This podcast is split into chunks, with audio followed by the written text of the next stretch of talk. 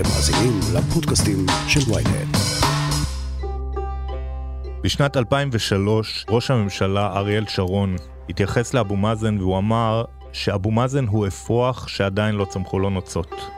אלא שמאז עברו שלושה עשורים ואבו מאזן מאפרוח בלי נוצות הפך להיות נשר שחולש על הרשות הפלסטינית, על ההנהגה הפלסטינית ועל העם הפלסטיני. במשך תקופה ארוכה כולם כבר הספידו את אבו מאזן. הוא חולה, קשיש, סנילי, קורס, מה לא.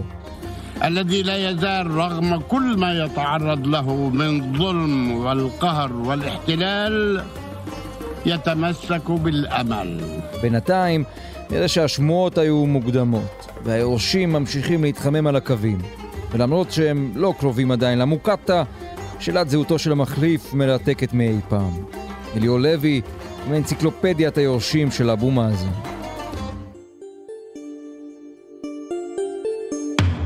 הכותרת, פודקאסט החדשות של ynet עם עטילה שומפלבי. אליאור, אז מה שלמה, קודם כל? אבו מאזן אה, לא צעיר, בן 85, מעשן, יושב במוקטעה, יושב ברמאללה, אבל כנראה שמצבו טוב. טוב בוודאי בהרבה מהרבה אנשים אחרים בני 85. אנשים שפגשו אותו לאחרונה מתארים אותו כחד מאוד, קוהרנטי, מאוד ברור, מאוד יודע מה הוא רוצה, מאוד יודע איפה הגבולות שלו, ולכן התחושה היא שאבו מאזן ככה מאוד מאוד חזק, מאוד בעניינים, מאוד מאוד יודע מה קורה סביבו, מאוד מודע לסביבה, גם בתוך הזירה הפלסטינית, גם בישראל, וגם בכלל בעולם הערבי, שהוא מאוד מאוד חשוב לו. מה שמדהים שהמצב הבריאותי של הרשות הפלסטינית לא בהכרח טוב כמו מצב הבריאות של הראיס. נכון, הרשות הפלסטינית נמצאת בימים של אה, חולשה מדינית, חולשה פנימית, גם בקרב שלה בעצם מול אה, חמאסטן ברצועת אה, עזה ומול בעצם גלי האהדה שחמאס צבר במהלך מבצע שומר החומות. אבל הרשות הפלסטינית גם בבעיה כלכלית, משום שהיא חווה משבר כלכלי חמור.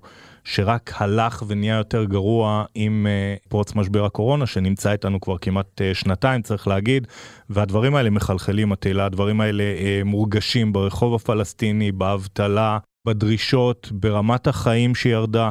זה בהחלט משהו שהוא נוכח שם, ולכן כשאתה משלב בעצם את החולשה הפנימית הפוליטית של הרשות הפלסטינית יחד עם התחושה הכלכלית שדברים שם לא באמת עובדים, ובטח לא טוב כמו שהם עבדו לפני עשור, אתה מבין שהרשות הפלסטינית לא נמצאת כרגע בימיה הגדולים, בוודאי לא אה, בשיאה. ומה שמעניין בסיפור הזה, שאם אני לוקח את מצבו הבריאותי של אבו מאזן, עם המצב הבריאותי במרכאות של הרשות, ושואל מה מצבו של אבו מאזן ברמה הפוליטית, התשובה תהיה די מפתיעה. נכון, התשובה היא אה, טוב, טוב מאוד, מצוין, משובח, מה שתרצה, רק תבחר את מה שאני אומר. תראה, אבו מאזן, כשאתה מסתכל על הסקרים, אתה רואה שאבו מאזן מאוד מאוד לא פופולרי ברשות הפלסטינית, אבל הסקרים לא רלוונטיים בסיפור הזה, בטח לא לרשות הפלסטינית. אבו מאזן יודע את זה, יש פחות או יותר שני שליש מהציבור הפלסטיני שלא רוצים לראות אותו יותר כנשיא הרשות הפלסטינית, מזכיר, מאז שנת 2005, אבל מצד שני לאבו מאזן יש שני קביים מאוד מאוד חזקות. האחת, ישראל. ישראל שומרת היטב על אבו מאזן, על השלטון שלו, גם באמצעות התיאום הביטחוני, גם באמצעות המעצרים שהיא מבצעת מדי לילה בגדה המערבית. זה לא רק להגן על ישראל, זה גם לייצב את הרשות הפלסטינית. והצד השני של הסיפור הזה זה הרשות הפלסטינית עצמה, מנגנוני הביטחון הפלסטינים מאוד נאמנים לאבו מאזן התהילה, מאוד מאוד חזקים ברשות הפלסטינית, צולחים כל משבר, אני מזכיר, משבר ניזר בנת והרצח, האופוזיציונר הפלסטיני אה, עבר ונרגע, למרות שזה היה נראה ככה שהאדמה שם רועדת תחת הרשות הפלסטינית, המנגנונים יודעים היטב כיצד לשמר את הרשות הפלסטינית, את ההנהגה הפלסטינית, ומעל הכל, את הראיס, את אבו מאזן.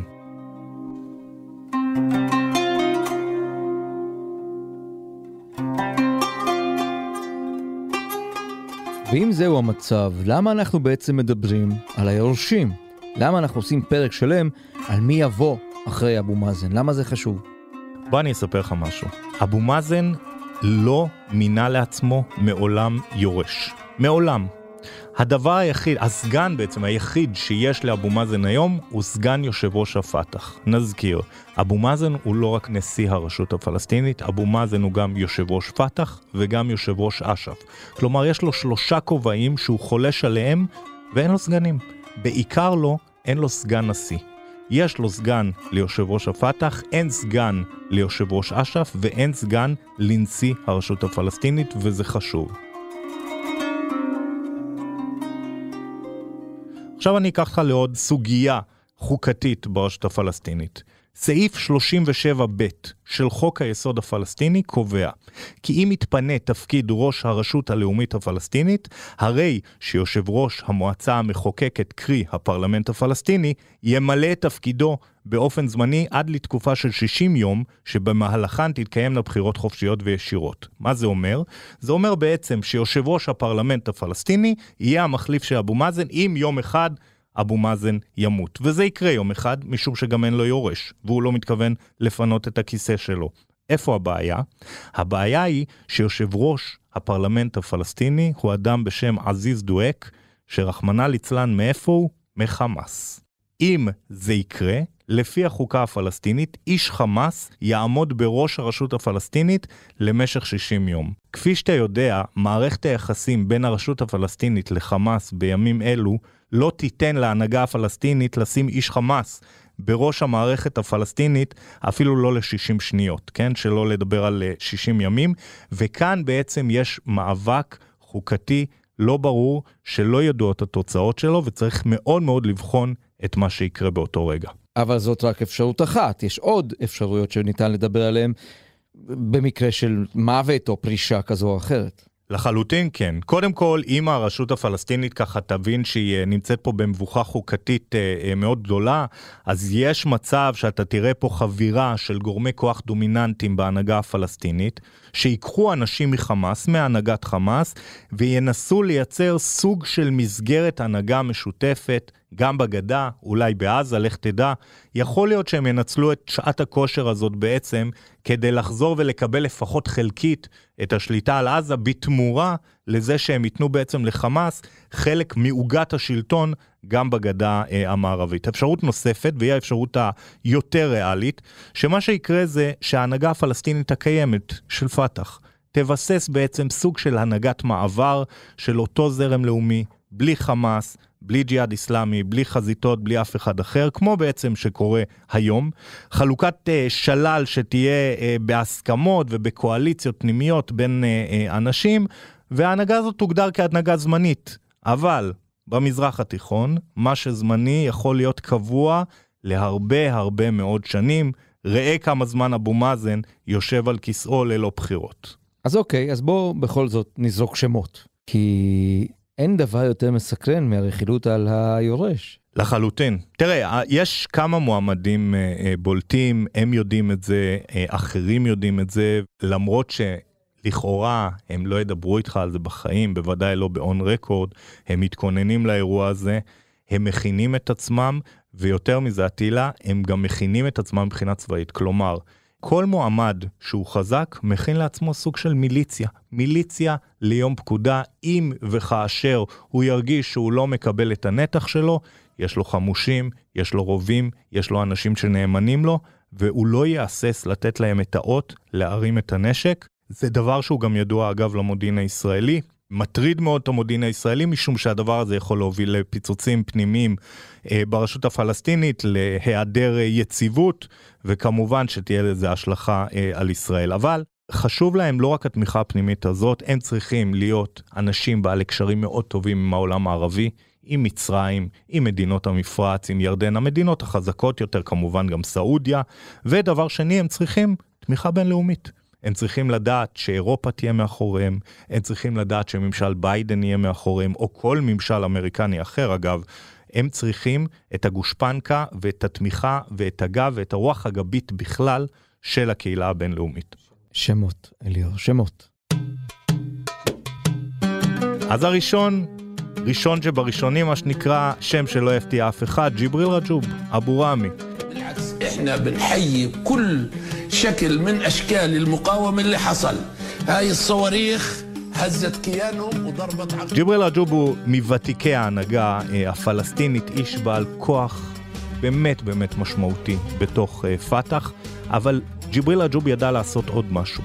הוא ידע לקחת תפקיד שייצור לו בעצם תמיכה עממית, וזה להיות יו"ר התאחדות הכדורגל הפלסטינית. five Israeli clubs participating, participating in the official league in Israel, but they are on the Palestinian territories.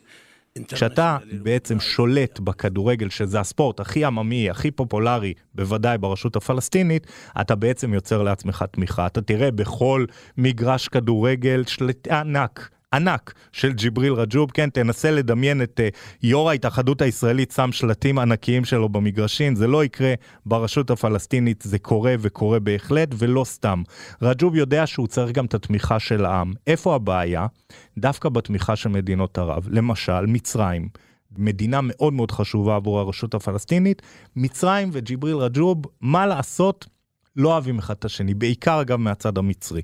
מצרים יש לה מתיחות מאוד גדולה עם ג'יבריל רג'וב, היא הרבה פעמים אסרה כניסה שלו אפילו לקהיר, היא השפילה אותו פעם שהוא הגיע לקהיר והיא העלתה אותו חזרה על מטוס חזרה לירדן.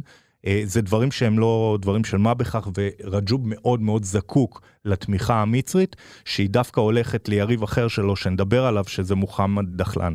חוזק אה, נוסף שיש לו בתוך הזירה הפנימית פלסטינית, הוא הקשרים שלו עם חמאס. לג'יבריל רג'וב יש קשרים עם חמאס, לג'יבריל רג'וב יש אח שהוא אחד מבכירי חמאס בגדה המערבית, נאף רג'וב, מדורה שליד uh, חברון. ג'יבריל רג'וב יש לו קו פתוח עם חמאס. אמנם אין שם אהבה גדולה, אבל דיבור יש, ולכן רואים בג'יבריל רג'וב אחד שכן יכול לסגור את הפיוס הפנים פלסטיני. אגב, הוא ניסה מאוד לעשות את זה בשנים האחרונות, מי שעצר אותו בסיפור הזה זה אבו מאזן. אז זה ג'יבריל רג'וב, ויש לו עוד חיסרון אחד, הגיל. ג'יבריל רג'וב לא צעיר, אמנם אבו מאזן 85, אבל ג'יבריל רג'וב כבר נושק לגיל ה-80, ולכן בעצם הדבר הזה בא לו לרועץ. מדהים שאמרת גיל 80. אני תמיד מתאר לעצמי את האיש הזה, גבריאל רגב, כפי שכינו אותו במודיעין הישראלי וגם אצל אהוד ברק בזמנו, כבר בן 80, זה אומר שהזמן כמעט, טס. כמעט. הזמן טס. יש uh, צעירים יותר? כן, בהחלט. אה, בואו נלך אפילו למועמד הכי צעיר בעצם בחבורה הזאת, מרואן ברגותי. I think it's it's very clear that the Israelis cannot keep us these tens uh, ten thousands of uh, in the Israeli jails, and finally they will discover. You know what happened in in South Africa. Finally, they go to to Mandela and start to negotiate with him. מרואן ברגותי, לא רק שהוא הכי צעיר, מרואן ברגותי הוא מלך הסקרים הפלסטינים. בוא נאמר ככה, אם העולם היה אה, מתבסס ומנוהל לפי הסקרים, מרואן ברגותי כבר היה ראש הרשות הפלסטינית בערך אה, 15 אה, שנה. וצריך להבין למה. מרואן ברגותי נמצא בכלא והוא בעצם מנסה למצב את עצמו כל הזמן כנלסון מנדלה הפלסטיני. כלומר, כמנהיג הפלסטיני שיושב בכלא הכיבוש הישראלי, והוא, למרות זה שהוא בכלא, הוא רוצה להיות עדיין המנהיג אה, הפלסטיני. יש מי שאומר שבסיס הכוח של אה, מרואן ברגותי הוא עצם זה שהוא אסיר, וברגע שהוא ישוחרר מהכלא, התמיכה בו תרד פלאים. אה, במקביל בעצם ליציאתו מהכלא. ברגותי יש לו חסרונות נוספים. קודם כל היחסים שלו עם הנהגת פת"ח רעים ביותר. אה, אבו מאזן מאוד מאוד קר ביחס שלו לברגותי, ובגלל שאבו מאזן קר אליו, גם בעצם כל ההנהגה הפלסטינית שאחריו לא אוהבת אותו. הם לא אוהבים את הבן אדם הזה. הוא גם צעיר מבחינתם אה, באופן אה, יחסי, הם רואים את זה כחיסרון, יש מי שיראה את זה גם אה, כיתרון. לפני כמה שנים דיברתי עם אחד מהמנהיגים הפלסטינים, הוא אפילו מוזכר בפודקאסט הזה, אבל לא נזכיר אותו בשמו, כי אני מזכיר כאן מספיק שמות. והוא אמר לי, כששאלתי אותו על סוגיית ברגותי, והאם ברגותי בעצם יכול להיות המנהיג הפלסטיני, הוא אמר לי את המשפט הזה שאני לא אשכח אותו. הוא אמר לי, אנחנו צריכים מנהיג שישחרר אותנו, ולא מנהיג שאנחנו נצטרך לשחרר אותו. זה מרואן ברגותי.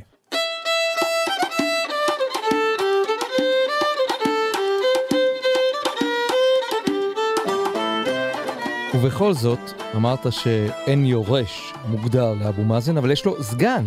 נכון, יש לאבו מאזן אה, סגן שהוא אה, סגן יושב ראש הפת"ח, בעצם הוא סגן מנהיג הפת"ח, הוא גם אני מכנה אותו כסוס השחור במרוץ הזה, מי שככה יכול להפתיע פתאום אה, אה, מאחור, וזה מחמוד אל-עלול, דמות שפחות מוכרת לציבור הישראלי.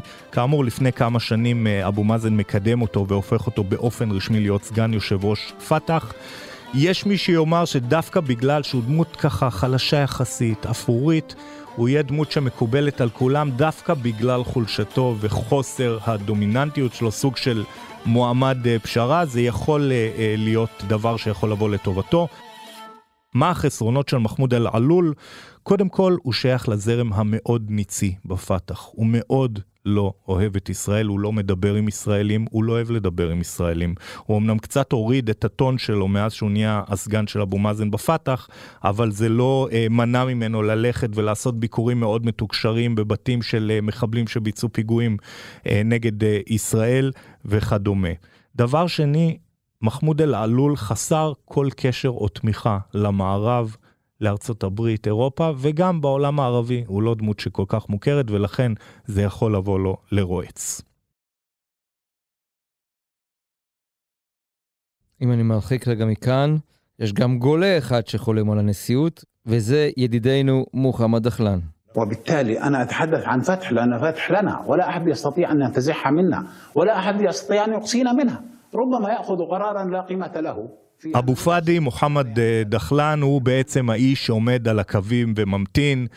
אה, מנהיג פלסטיני שצבר את רוב הכוח שלו ברצועת עזה, שם הוא היה בעצם המקביל של ג'יבריל רג'וב, מפקד הביטחון המסכל אה, ברצועת עזה, שם מוקד הכוח שלו. מוקד כוח אחר שלו בגדה המערבית זה במחנות הפליטים, צריך לומר את זה, ומחנות הפליטים, אני מזכיר לכם, מלאות בנשק וכוח אלים, מה שנקרא, שהוא יכול לנצל את זה. איפה הבעיה? הבעיה היא שהוא נמצא בגלות, וההנהגה הנוכחית שרואה אותו באמת כנמסיס הכי גדול שלה, תעשה הכל, אבל הכל, כדי לא לראות אותו חוזר פה למרכז אה, הזירה. מצד שני, יש לו יתרון מאוד גדול, וזה תמיכה מצרית בו, ותמיכה של מדינות המפרץ. למוחמד דחלן גם לא חסר עוד משהו שהוא מאוד חשוב בנושא הזה, וזה כסף. הרבה כסף משל מאוד עצמו. כסף, כן.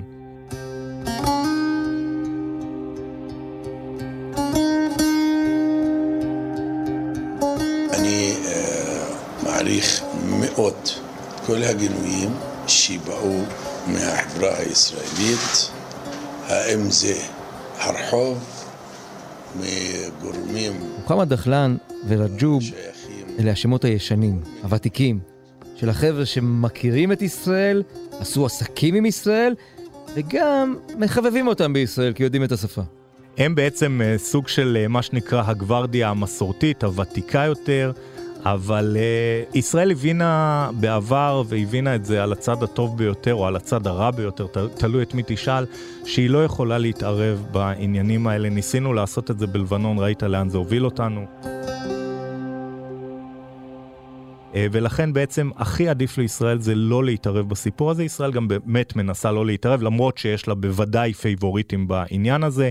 היא תנסה יותר שארצות הברית אולי תתערב, אירופה תתערב, אבל היא באופן ישיר וגלוי לא אה, תעשה את זה. אז דיברת על המסורתיים, בואו נדבר קצת על הדמויות היותר חדשות. סלאם פיאד, רמי חמדאללה ומוחמד שטאיה. לשלושתם בעצם יש מכנה משותף אחד, שלושתם הם היו או עודם ראשי ממשלה פלסטינים. להיות ראש ממשלה פלסטינית זה בעצם להיות המנכ"ל של הרשות הפלסטינית, ולכן אני מכנה אותם הביצועיסטים. הם השלושה שבאמת בונים, מה שאתה קורא, את מוסדות המדינה ברשות הפלסטינית. הראשון שבהם זה כמובן סלאם פיאד, שהוא היה אבי ואדריכל כל הסיפור הזה של בניית מוסדות המדינה. חביב הישראלים גם. אה, יש שיאמרו חביב הישראלים, הוא גם היה מאוד מאוד קשה כלפי ישראל, צריך לומר את זה, אבל סלאם פיאד הוא בן אדם מאוד פרגמטי, מאוד חכם, כלכלן, מוכשר מאוד, היה, אני מזכיר, בכיר בקרן המטבע העולמית, ולכן בעצם הוא דמות שבעולם, נגיד, היו מאוד מאוד רוצים לראות אותו. איפה הבעיה? סלאם פיאד אין לו את התמיכה העממית. הוא קצת מצטייר ברשות הפלסטינית, בקרב הציבור הפלסטיני כאליטיסט. ולכן בעצם לא אוהבים אותו. אבו מאזן, אגב, מה שנקרא, הוציא אותו הצידה מהמשחק מסיבה אחת. הוא הרגיש סלאם פיאד תופס יותר מדי כוח במנגנוני הביטחון הפלסטינים, ואבו מאזן לא אוהב יריבים או יורשים, כפי שכבר uh, תיארנו כאן, ולכן בעצם הוא יצא החוצה. רמי חמדאללה ומוחמד שטאי הם גם, הם מחליפים שלו, הם לא נתפסים כמושחתים, גם סלאם פיאד צריך לומר את זה, בניגוד לרשות הפלסטינית ולהנהגה הפלסטינית שנתפסת כסופר מושחתת, אה, ולכן בעצם היו אנשים בעיקר בעולם, בעיקר מבחוץ, שמאוד היו רוצים לראות את שלושתם ממשיכים גם במערכת הפלסטינית ביום שאחרי אבו מאזן, אולי אפילו אחד מהם נשיא, לך תדע, אבל הסיכויים שזה יקרה הם אה, אה, לא גדולים מפני שיהיה להם הרבה מאוד מכשולים ומקלות אה, בגלגלים מצד אה, ההנהגה אה, הפלסטינית. ואטילה, לסיום, אנחנו אה, נזכיר עוד אה, שתי דמויות שהן אה, מאוד מאוד חשובות בכל הסיפור. אני לא יודע אם הן יהיו מנהיגות או נשיאות הרשות הפלסטינית, אבל כן צריך להזכיר אותם. אחד זה חסן א-שייח, והשני זה מג'ד פראג'. חסן א-שייח הוא בעצם מתאם פעולות הממשלה אה, בגרסה הפלסטינית שלה, אה, האיש בעצם שעומד בקשרים עם ישראל ומתאם את כל הפעילות והתיאום הביטחוני והתיאום האזרחי עם ישראל, ומג'ד פראג' שהוא ראש המודיעין הפלסטיני, הבן אדם הכי חזק מבחינה ביטחונית ברשות הפלסטינית, שולט ביד רמה במודיעין הכללי הפלסטינית, הוא בעצם שולט בכל מנגנוני הביטחון אה, אה, הפלסטינים, ויש לשניים האלה יתרון מאוד חזק. כיום, שאתה מסתכל על מי שני האנשים שנמצאים הכי קרוב לאבו מאזן, אלה שניהם, חסן א-שייח ומג'ד פראג'. ולכן הייתי מצפה לראות אותם בקרבות האלה בעצם מקבלים תפקידים בכירים, אולי יושב ראש אש"ף, אולי יושב ראש פת"ח, או משהו אה, בסגנון הזה, הם בוודאי לא הולכים להיעלם אל עבר אה, האופק, השניים הללו. מיד נמשיך עם הכותרת, אבל לפני כן יש לנו משהו לספר לכם. היי, כאן יובל פלוטקין. מאז ומתמיד העולם מלא בסיפורים שעוברים מפה לאוזן. קונספירציות, שמועות, אגדות אורבניות, פיסות רכילות ועוד. בפודקאסט שלי, נא להפיץ, אנחנו מדברים בדיוק על הדברים האלה. בכל פרק ניקח סיפור אחד, מסעיר ושנוי במחלוקת, וננסה להבין מה עומד מאחוריו. מי האנשים שמפיצים אותו ומה הם מרוויחים מכך. ויותר חשוב, האם הם באמת מאמינים לסיפורים שהם מפיצים? חפשו נא להפיץ בוויינט או באפליקציות הפודקאסטים שלכם, ונשתמע.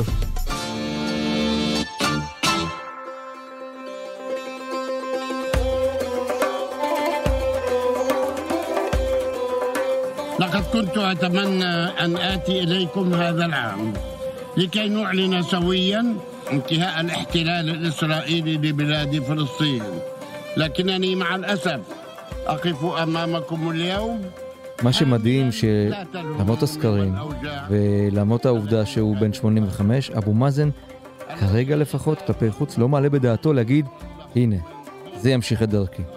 לחלוטין לא, ואני לא רואה מצב שאבו מאזן עושה את זה, הם גם בעצמם, זאת אומרת ההנהגה הפלסטינית אה, התייאשה מהנושא הזה. אני מדבר כמובן על כל המנהיגים שציפו בעצם לקבל אה, את התפקיד שלהם, ובינתיים ככה הם הולכים ומתבגרים עם אה, השנים.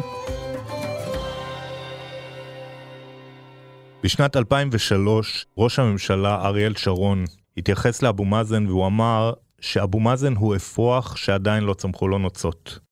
אלא שמאז עברו שלושה עשורים ואבו מאזן מאפרוח בלי נוצות הפך להיות נשר שחולש על הרשות הפלסטינית, על ההנהגה הפלסטינית ועל העם הפלסטיני.